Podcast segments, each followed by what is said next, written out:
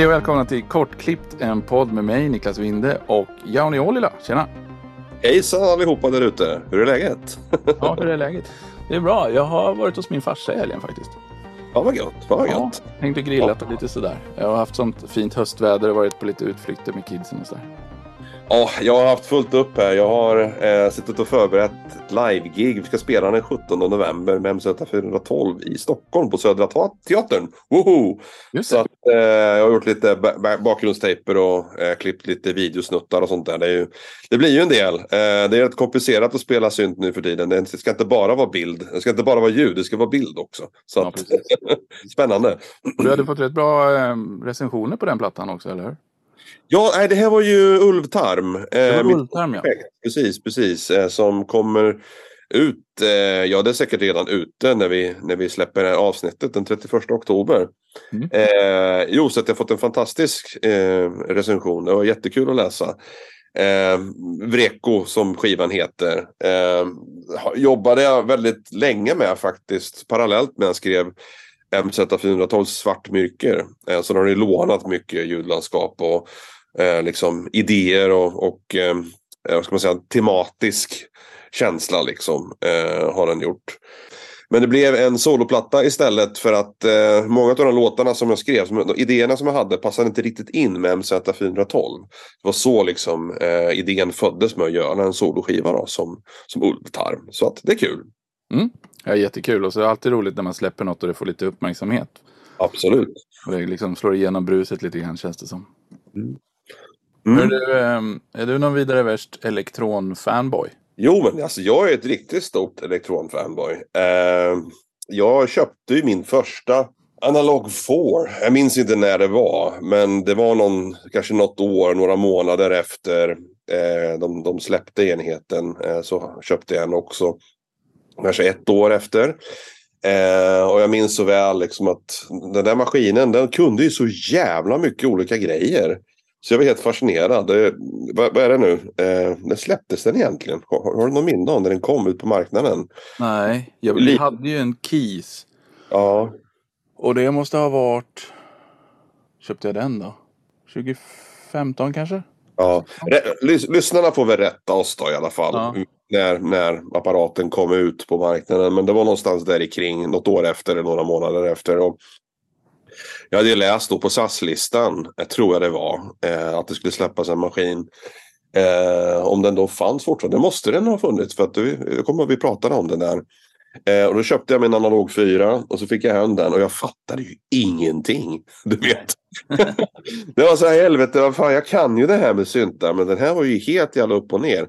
Mm. Så jag fick så liksom, jag fick ju då dra då, eh, det långa strået höll jag på att säga. Och tanka ner en manual då eh, och läsa på hur ja. den där apparaten funkade. Och det tog ju mig alltså lätt ett par månader innan jag satte in mig igen. Så liksom, du vet, lärt mig att kopiera alltså patterns och ljud. Bara en sån grej. Jag fattar inte när man skulle vara i track mode, det skulle vara i pattern mode. Så funkar de här copy-paste grejerna olika. Som är helt enormt flexibelt när man väl kommer in i flödet. Men ja. innan då när man tittar på panelen så fattar man ju inte det. Det liksom står ju inte nedskrivet hur det funkar. Så många sådana där grejer hade jag som eh, väldigt, väldigt stor tröskel innan jag kom igång och på, på verkligen på ett seriöst sätt kunde göra musik. Precis som jag tänkte mig att musiken skulle vara. Då. Mm. Eh, det tog mig väldigt, väldigt lång tid men en fantastisk kompanjon. Eh, och sen så det som jag tyckte var så roligt också med maskinen, eller tycker det än idag, att den har ju eh, ingångar, ljudingångar. Vilket var väldigt unikt på den tiden när den kom, maskinen. Där man kunde processa saker eh, som, man, som man sköt igenom den. Eh, och det där tycker jag är fantastiskt roligt. Jag använder än idag. Eh, där jag kopplade in min Avalon Baseline, jag kopplar in min 707, jag kopplar in min Airbus Redbox whatever. Och sen automatiserar jag reverb washes och delay-grejer och LFOer på panorering och alla möjliga saker. Och det där kan vi liksom lägga in i projektet också, vilket gör att den är så enormt kraftfull. Om man gör ett liveset till exempel kan man ha flera olika låtar med, som gör olika saker med de här ingångarna. Och det, det för mig var en helt fantastisk ögonöppnare. Eh, just ur performance-synpunkt. Man kunde göra så många roliga saker. Mm. Eh, och just analog 4 också i och med att den hade de här performance-grejerna. Man kunde liksom eh, associera de rattarna och göra olika saker när man var i performance-mode. Det var ju också en sån här grej som var helt fantastiskt smart. Men det tog ett tag innan jag kom till den nivån och kunde lära mig att, att det var faktiskt väldigt enkelt att, att designa de här rattarna. Eh, först när jag gjort det och efter ett gäng månader så kom verkligen maskinen till sin rätt. Då. Mm. Jag tror nog att det är det som många har problem med. Jag är en gammal syntgubbe. Jag gillar rattar. Jag gillar inte mycket med nydyk. Det ska jag faktiskt inte sticka under stol med. Men just, jag tror alla elektronmaskiner är där man får mest utbyte av att dyka sig ner i maskinen riktigt, riktigt djupt. Och ta de här soft-sessionerna. Man sätter sig med sin enhet i knät och gör musik med bara den med ett par hörlurar framför brasan hemma i vardagsrummet och ett glas rött i andra näven. Liksom. Är det då jag tror man verkligen kan låsa upp hemligheterna. Så att jag är definitivt en eh, elektronfanboy. Jag har en analog 4 idag. Eh, jag har en Digitakt.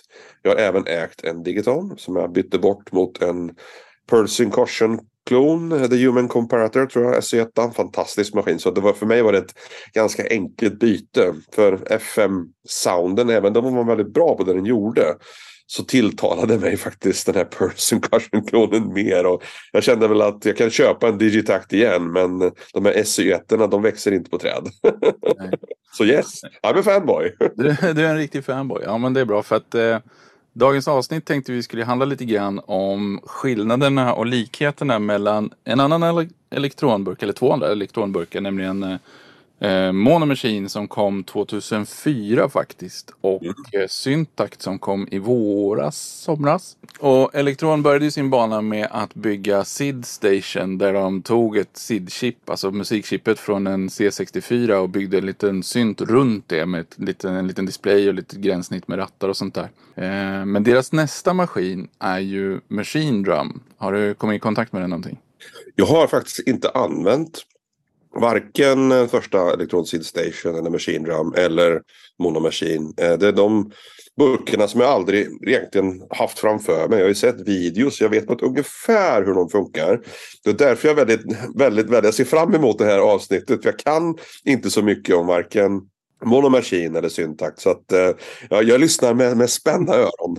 ja, för grejen var ju det som de, det som de började med, med Machine Drum var ju dels att de hade Ehm, en, en sequencer som var väldigt tajt knuten till ljudsyntesen i maskinen med de här parameterlåsen du kan göra med LFO och sånt för att styra sånt. Det, det var ju liksom, det var ingen som hade hört talas om sånt på, på trummaskiner förut. Det var, jag hade en X-Base 09 som jag tror hade någon LFO och lite sånt där. Men i övrigt var det liksom det som var det stora med elektron och det som har fortsatt vara det stora ända fram till idag. Ehm, men en annan sak som de började med då som är en del av flexibiliteten i de här maskinerna är att sequencern har ett antal spår och i varje spår kan du lägga en maskin som har ett visst ljudsyfte. Då. Mm. Eh, för Machine Drum så hade du 16 kanaler som du kunde proppa full med olika trumljud.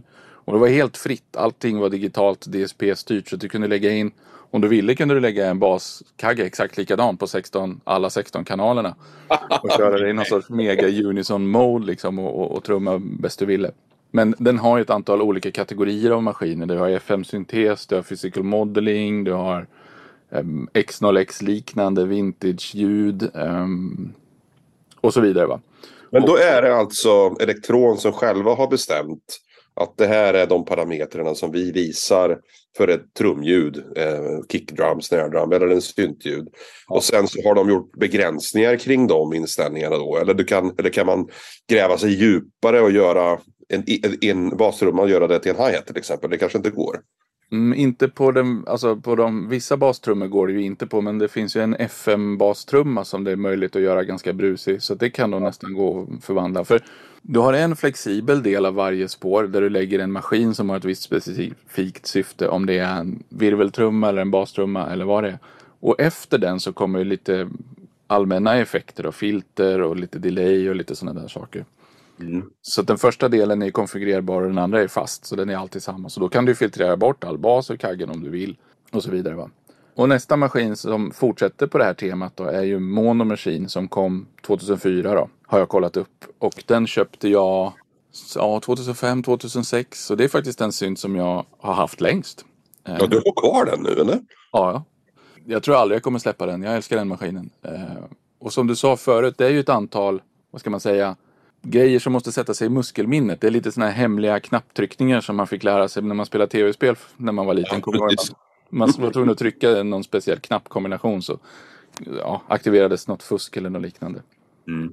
Och, och, och de sitter ju i ryggmärgen på min monomaskin. Jag, jag kan ju den utan och innan. Fast häromdagen skulle jag prova song mode på den och det har jag typ aldrig använt. Så då var jag tvungen att öppna manualen. 20 år senare liksom. Ja, ja det, är, det är ju typ 20 år senare. Det är helt otroligt.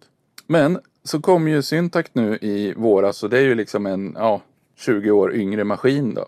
Som mm. har liksom benefits av massa, vad ska man säga, nya uppfinningar. Då. Så att sequensen är ju påtagligt mer avancerad. De har blandat in lite analog syntes och de har um, gjort en annan arkitektur på hur saker och ting ser ut uh, inuti maskinen då med hur effektbussar och sånt funkar som jag tänkte vi skulle gå igenom. Mm. Um, men en väldigt stor skillnad är ju att minne har ju blivit kraftfullare och större och bättre och allting sånt där. Så syntakten har ju 127 gånger mer minne än monomaskinen typ. För när man väl har fyllt monomaskinen då är man ju, då är man ju klar liksom. Och gör man samma sak med syntakten så kan man liksom bara byta projekt, vad, vad det nu heter. Eh, och, och, då får man liksom lika mycket minne till och kan göra 127 patterns och sånger och allting. Monomaskin, börjar den blinka liksom rött? Typ att nu är minnet fullt. Hörru. Nu, nu kan du inte göra mer eller? Är det så? Nej, utan den har, den har x antal minnesplatser och när du har fyllt i dem så, så är det klart. Liksom. Okej, okay, okej. Okay. Det, det fanns en variant med extra minne tror jag. En MK2-grej. Men min är, är original då. Så det som var grejen med, jag fick veta det, jag pratade med någon som jobbar på um, elektron. Och han, för jag frågade liksom de här physical model-maskinerna för, för Machine Drum då. Eh, om man kunde utöka den med lite fler sådana modeller och om de var, hade planer på fler maskiner. Men då var, sa han det att ja men vi har en idé om någon grej men den skulle bli för tung. För ett, en av designkraven är att du ska kunna lägga samma maskin, den tyngsta CPU-mässigt då, på mm. samtliga spår i trummaskinen utan att den baxnar liksom. Ja, ja. Eh, så att de, det där, ursäkta mig avbryter, det där tycker jag är en extremt bra eh, begränsning ändå att ha som utvecklare av både hårdvara och mjukvara. Att man ser till när man bygger en hårdvarumaskin att man inte kan få den att slå över. Mm. Så att mm. säga. För att jag är väldigt beroende av maskiner att de ska verkligen tåla stryk. Man ska kunna göra allting som är inom maskinens olika begränsningar utan att den ja, trillar, trillar omkull. Liksom. Så att det designvalet och den begränsningen den, den förstår jag till 100 procent. Jag tycker det är skitbra. Mm. Ja, jag tycker det är smart tänkt. Och just det här att det inte ska bli några gotchas liksom. Det ska aldrig bli så här att Jaha, nu har jag lagt fyra sådana maskiner här. Nu kan jag inte lägga fler för då, då storknar den liksom. Utan det är fritt. Precis. Det är lite grann det som jag faktiskt, ursäkta om jag går på ett sidospår här, men det är lite grann det som jag faktiskt känner är en av huvudfördelarna med att jobba med hårdvara. För man vet maskinens begränsningar, man vet hur den fungerar. Jämfört med i en dator, en DAV, så kan man stoppa in massa grejer så behöver man få massa glitchar och prylar och man gör saker och ting på fel sätt. Och i en hårdvarumaskin så har då personerna som har designat och byggt maskinen gjort allt det här arbetet och tänkt igenom hur ska vi få plats med koden i maskinen så att den verkligen gör det den ska göra med den processorkraft som finns tillgänglig. Eh, så att jag då som musiker inte behöver bry mig om och oroa mig för att någonting går sönder. Eh, ja, det är lite grann den, den biten som jag tycker är viktig och framförallt fått mig att välja hårdvaruspåret. Ja, nej, men så, så, tycker jag ju verkligen är, är, bra tänkt. Så jag tror att också då att har du en specifik hårdvara, även om den är helt digital. Det kan, det kan ju vara en helt digital synt, men om du bygger den i hårdvara så, så anpassar du ju koden för den hårdvara du har och du kanske köper en biffigare CPU, men den gör bara det jobbet. Precis. Så, då vet du liksom vad du har att spela med och så kan du liksom ta genvägar där det inte märks och, och liksom få det riktigt bra istället för att ha en helt okänd plattform och behöva safea upp för att det ska funka. Om du bygger en VSD till exempel. Precis, precis. Men um, så Mono Machine då, den har sex spår i sin sequencer där du kan stoppa sådana maskiner som gör ljud. Mm. Uh, Syntacten har 12 spår. Uh, men Syntakten är lite annorlunda uppbyggd för den har åtta digitala spår där du kan lägga precis vilken digital maskin du vill. Mm. Sen har den fyra analoga spår där du kan lägga olika analoga maskiner och jag tror att det är inte samma analoga maskiner på alla fyra spåren som är tillgängliga utan någon är någon hi-hat grunka och de andra är lite mer flexibla och kan göra lite andra ljud som bastrumma och virveltrumma och sånt. Är det kretsar som är lika, likadant som sitter i analog rytm då eller? Verkar påminna om varandra men de är väl något uppdaterade till den här versionen. Mm. Um, jag har ju en analog rytm också. Och det är svårt att säga, jag tycker de låter ganska lika. Det finns ju en, som heter, en maskin som heter 2VCO. Mm. Um, och, och, jag upplever att de är väldigt lika så det kan vara precis samma. Men det är mm. säkert lite uppdatering efter lite erfarenhet. Ja, såklart. Men um, både Syntakt och Mono Machine kan styra andra syntar med, via midi. Mm. Och i Mono Machine så har du sex dedikerade egna spår för det. Så att du har sex liksom syntspår och sex midi-spår. Det har du alltid. I Syntakt får du offra syntspår för att få midi-spår. Ah. Okay. Så att om man på pappret tänker sig bara Syntakt har 12 spår och Mono Machine har 6 spår så ska man komma ihåg att vill du styra andra maskiner också så har de ju 6 spår och 6 midi-spår båda två. Det där är ju skitviktig eh, avgörande grej faktiskt beroende på hur mycket externa burkar man har. Framförallt om man har bestämt sig för att ha antingen syntakt eller monomaskin som hjärtat i sin setup. Ja, precis. Mm. Sen har ju syntakt väldigt mycket mer moderna saker i sin sequencer. Bland annat micro eh, timing så man kan flytta ett steg lite grann för lite mera sväng. Mm. Um, och, och eh, conditional trigs förstås. Ja, just det. Klassiskt. Um, ja, precis. Å andra sidan så har Mono Machine eh, en arpeggiator. Jag tänkte säga song mode också men det har ju Syntakt fått nu i senaste uppdateringen plus portamento som den inte hade heller. Mm. Men det har kommit, men ingen arpeggiator än så länge. Det lär väl inte vara en svårare grej att implementera tänker jag. Nej, men det, det kan nog mycket väl vara så att de inte upplever att det finns någon efterfrågan. Ja, det kan det vara så också. Det är sant. Men medan Syntakt då är, är um, knuten då så att du kan ju bara lägga vissa maskiner på vissa spår så är eh, monomaskin helt flexibel. Du kan lägga vilka maskiner du vill på vilka spår som helst. Mm. Och Syntakt har en fast effektkedja så att du har ett reverb och du har ett delay som är samma för alla kanalerna. Mm. Du kan bara välja hur mycket du ska skicka till de respektive effekterna. Och sen har den en analog effektkedja med dist och lite filter och sånt där som du kan köra alla saker igenom. Mono Machine har ingenting sånt utan på varje kanal, på varje syntkanal ligger det ett eget delay. Så alla sex kanalerna har sitt helt egna delay med feedback, send, eh, timing och så vidare och lite filterinställningar. Mm. Så det är lite, lite generösare på det sättet.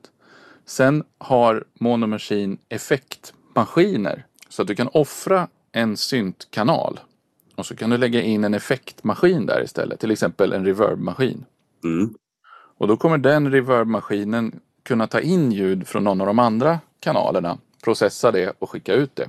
Och då kan du bygga upp en väldigt flexibel effektkedja så att du kan ha en syntkanal på första kanalen som spelar vad som helst. Och sen kan du lägga på de andra fem kanalerna effektkanaler om du vill. Så du kan börja med ett chorus, sen kan du ta ett flanger, sen kan du ta en phaser, en ringmod och sen ta reverbet på slutet om du vill. Har Monomaskin även externa inputs för processning av ljud? Yes. All right. All right. Den har två stycken sådana. All right. Och sen har den fyra ljudutgångar. Sex det... ljudutgångar. Den har två main och fyra extra. Det är ju riktigt bra. Det är, ja, riktigt... det är otroligt generöst. Ja. Så att som, som hjärta i en setup så skulle jag säga att Mono Machine är bättre så tillvida. Ehm, för du kan ju ha, ha den med en effektbuss, eller du kan ju bygga upp den som en effektmaskin. Du kan styra en extern synt, ta in den, effekta den och sen programmera interna saker. Sen, sen kommer vi till eh, en grej som jag tycker är lite knepig med elektron. Eh, LFOer. Det, jag har alltid upplevt att det är lite snålt med LFOer. Och på eh, Syntakt så har de två LFOer och på Mono Machine har de tre. Per... Jag rycker på näsan här så, så lyssnarna vet. ja, per, per kanal. Eh, och en sak som jag tycker är lite knepig med deras LFOer är att, och det så har det varit på alla elektronburkar vad jag vet, att de har alltid bara en destination. Så att du får liksom på LFO-sidan tala om vad den ska styra och that's it. Du kan inte använda en LFO till att styra fler saker. Jag har aldrig riktigt fattat varför. Det har du fan rätt i. Det har inte jag tänkt på. Jag använder inte LFO-erna eh, i jättestor utsträckning i, i min analog 4. Men nu när du säger det, det är liksom en destination och that's it liksom. Mm. Så, mm. så att, jag tycker jättemycket om att både på, på um, Syntact och Mono Machine brukar LFOa dels delay-sänd och dels delay-feedback. Så att, så att man, den smyger upp på självsvängning och sen så backar den av lite grann så att man kan få liksom så här dubstabs som lever i en evighet. Och sen ja. så ner liksom. Och då vill man ju gärna ha både feedbacken och delay-sänden, att de ska krypa upp i stort sett samtidigt och ner. Så det hade ju varit ett, ett läge att kunna skicka samma LFO till två destinationer då. Ja, ja precis, precis. Jag undrar varför man inte valt att, att göra någon mer flexibla, någon form av routingfunktion hade varit ganska enkelt att göra det tycker man ju. Men det är som vanligt, en annan sitter där för det är lätt att göra. Så är det någon teknisk eh, du vet, abrovink som måste till för att det ska funka. Men, men jag kan hålla med dig, LFOer, ju fler desto bättre. Man kan aldrig ha för få. Nej, precis. Och jag vet inte riktigt om, eh, om det beror på att det skulle bli rörigt i gränssnittet eller om man bara har tänkt så. Eller jag vet inte. För jag menar, Oberheims Expander och Matrix 12 kan du sätta, på varje parameter kan du koppla på sex stycken modulationer från vilka. Och då kan du återanvända samma modulation på, på en massa ställen. Ja, ja. men just, just Matrix 12 är ju fortfarande för att vara så gammal en extremt avancerad maskin när det gäller just routingen. Så att, eh, ja. eh, man kan ju fortfarande titta på ASM Hydrasynt som är en nyare maskin. Eh, är också väldigt, väldigt kompetent när det gäller just modulation och LFO. Man kan skicka allting överallt liksom. Eh, lite grann det tänket hade varit skönt att se. Men är det nu som så att måste, man måste ha en routingmatris. Och det är väl riktigt det, det är väl den biten som kanske Elektron inte har av någon anledning valt att implementera. För det behövs ju mm. för att kunna göra de här mer avancerade grejerna. Titta på Waldorf Blowfelt till exempel. Det har ju en routingmatris. Så kan du välja liksom vad som ska skickas vart. Hur många destinationer du har för varje. Vad du har för amount och depth. Och vilken typ av LFO-kurva du vill ha liksom och så vidare. Eh, och det är ju egentligen en till komponent, en hel modul som måste in i deras ekosystem. Och det kanske är där det, det bromsar lite grann. Ja, det kan vara så. Det kan ju hända att man liksom inte känner att man har plats i displayen eller att man kan göra det på ett vettigt sätt som är lätt att förstå. Sen kan det också vara så att man känner sig fast lite grann i det som man valde då för 20 år sedan. Att man, skulle vi vända upp och ner på det här nu och ändra på det så kommer alla vilja ha det i de gamla maskinerna och det kommer bli svårt att lära om och svårt att förstå kanske. Jag vet inte. Ja, vi fanboys är svåra att hålla nöjda. ja, men däremot så kan man ju berömma dem för en del andra finesser med LFO-erna. För ända redan från Mono Machine så har man ju olika triggmode på telefon. Antingen kan den köra helt fritt. Mm. Eller så kan den bli triggad eh, vid, av noter. Eller så kan den bli sample and holdad av noter. Så att du kan liksom och då behöver du inte mata den med, med en random vågform utan du kan mata den med en cyklisk vågform.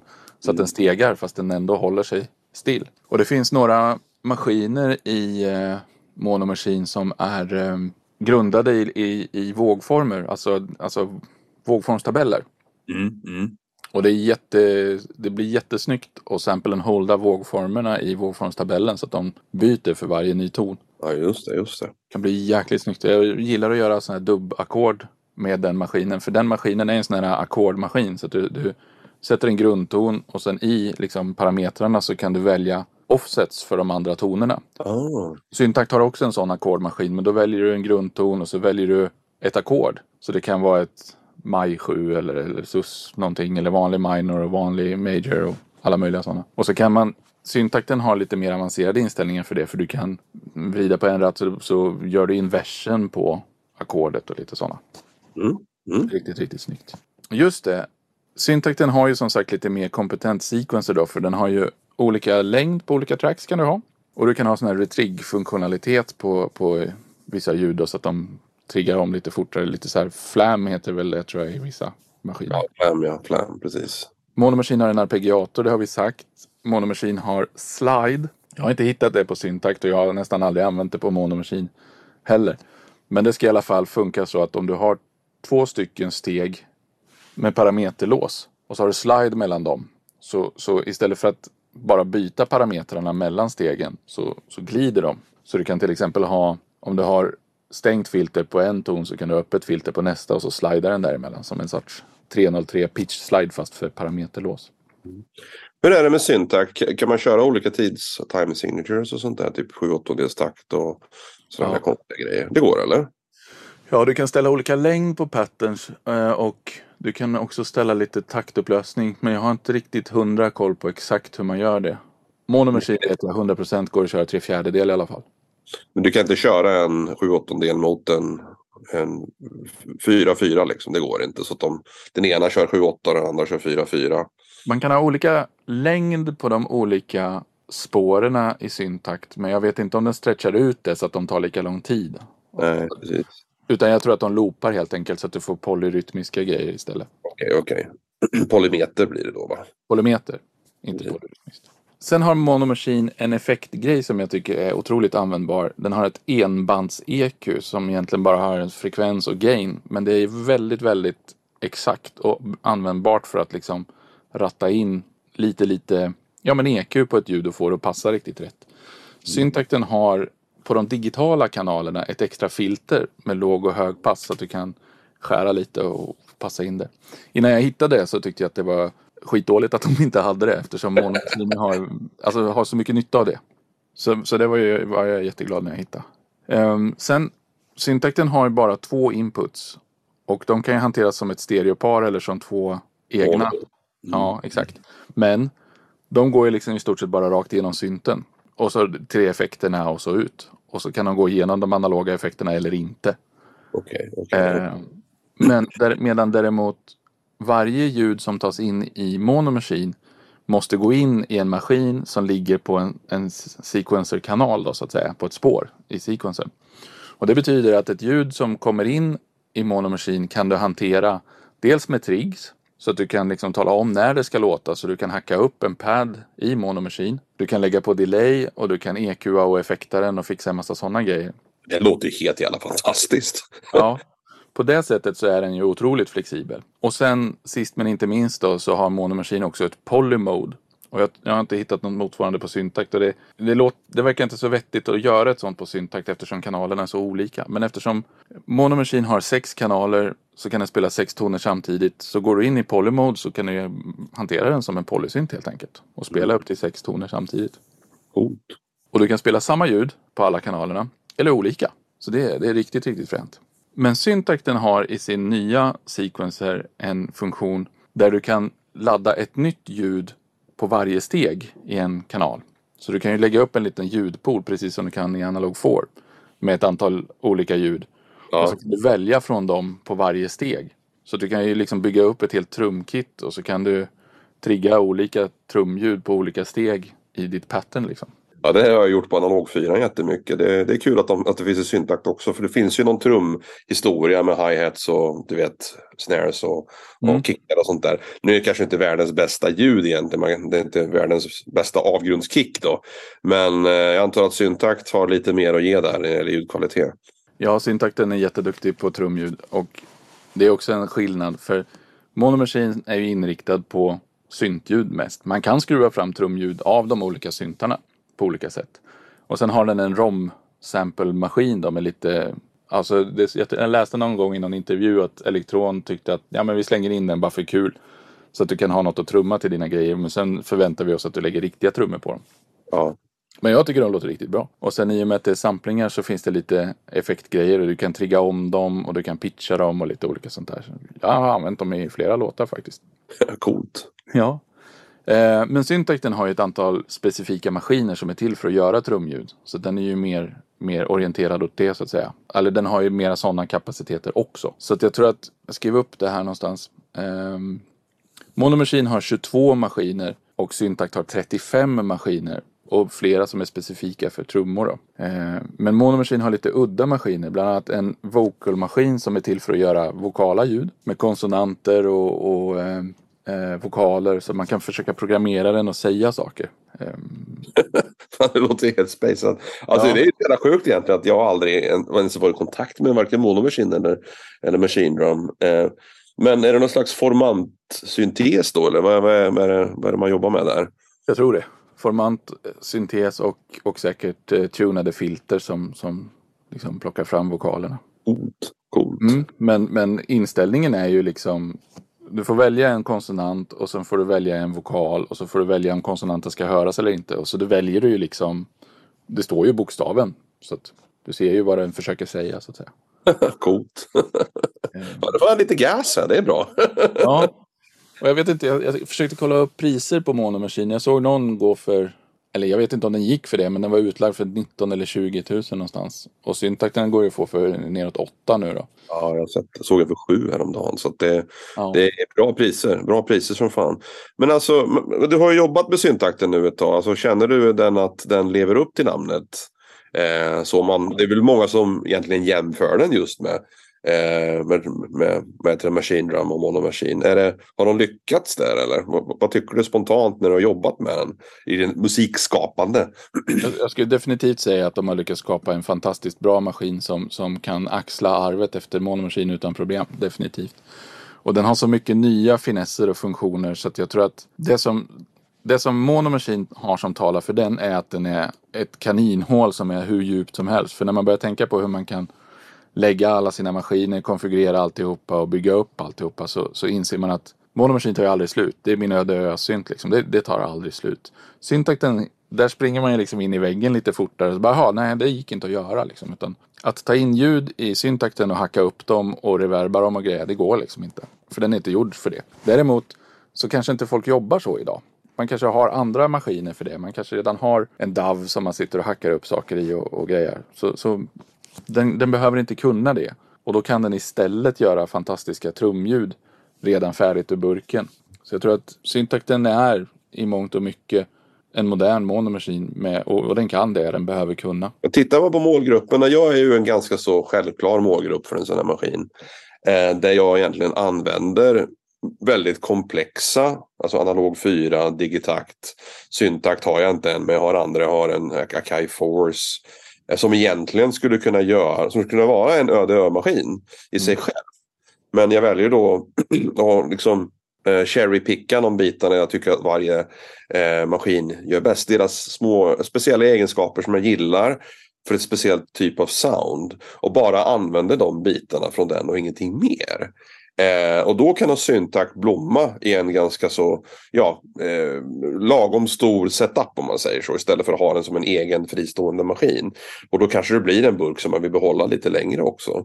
Eh, det är så jag känner av många. Alltså, ibland så ligger min analog 4 och inte gör någonting. Typ under 2, 3, 4, 5 låtar. Och sen så helt plötsligt kommer jag på, ja just det, jag kan göra det här. För det är det den kan som bäst och så hoppar jag dit och så upptäcker jag någonting annat nytt och kul samtidigt. Så det är väl lite grann av en lyxmodell eh, eh, egentligen att ha flera komplicerade maskiner. Men jag, kan, jag skulle kunna se mig själv och äga en just eh, för det användningsområdet. Det tror jag definitivt.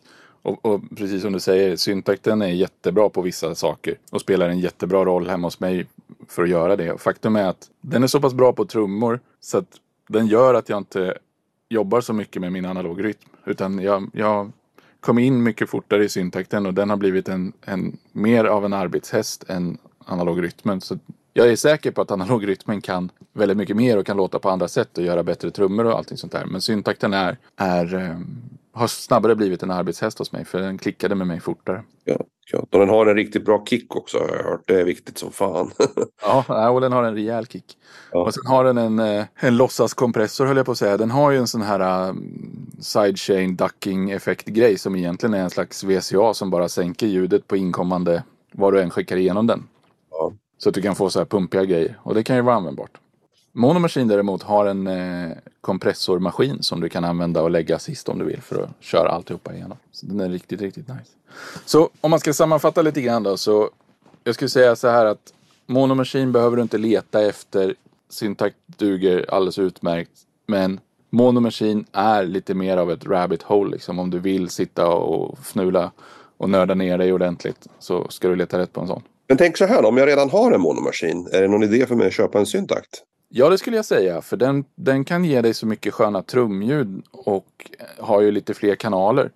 Mm. Så, så de två tillsammans är, blir riktigt, riktigt bra lite power combo egentligen, de två maskinerna tillsammans. Ja.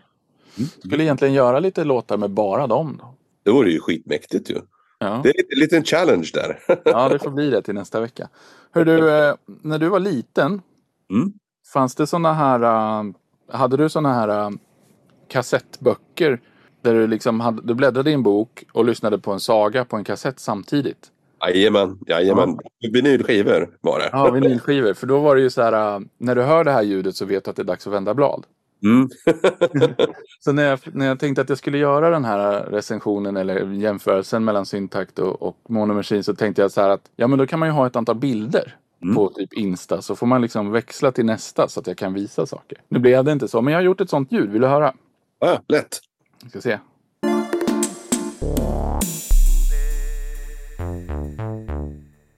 Ja, när du hör det ljudet vet du att det är dags att vända blad.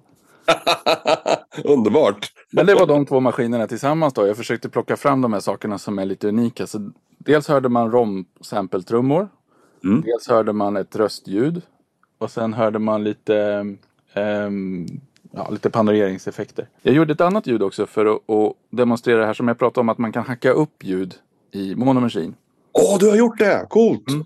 Ska se om det hörs.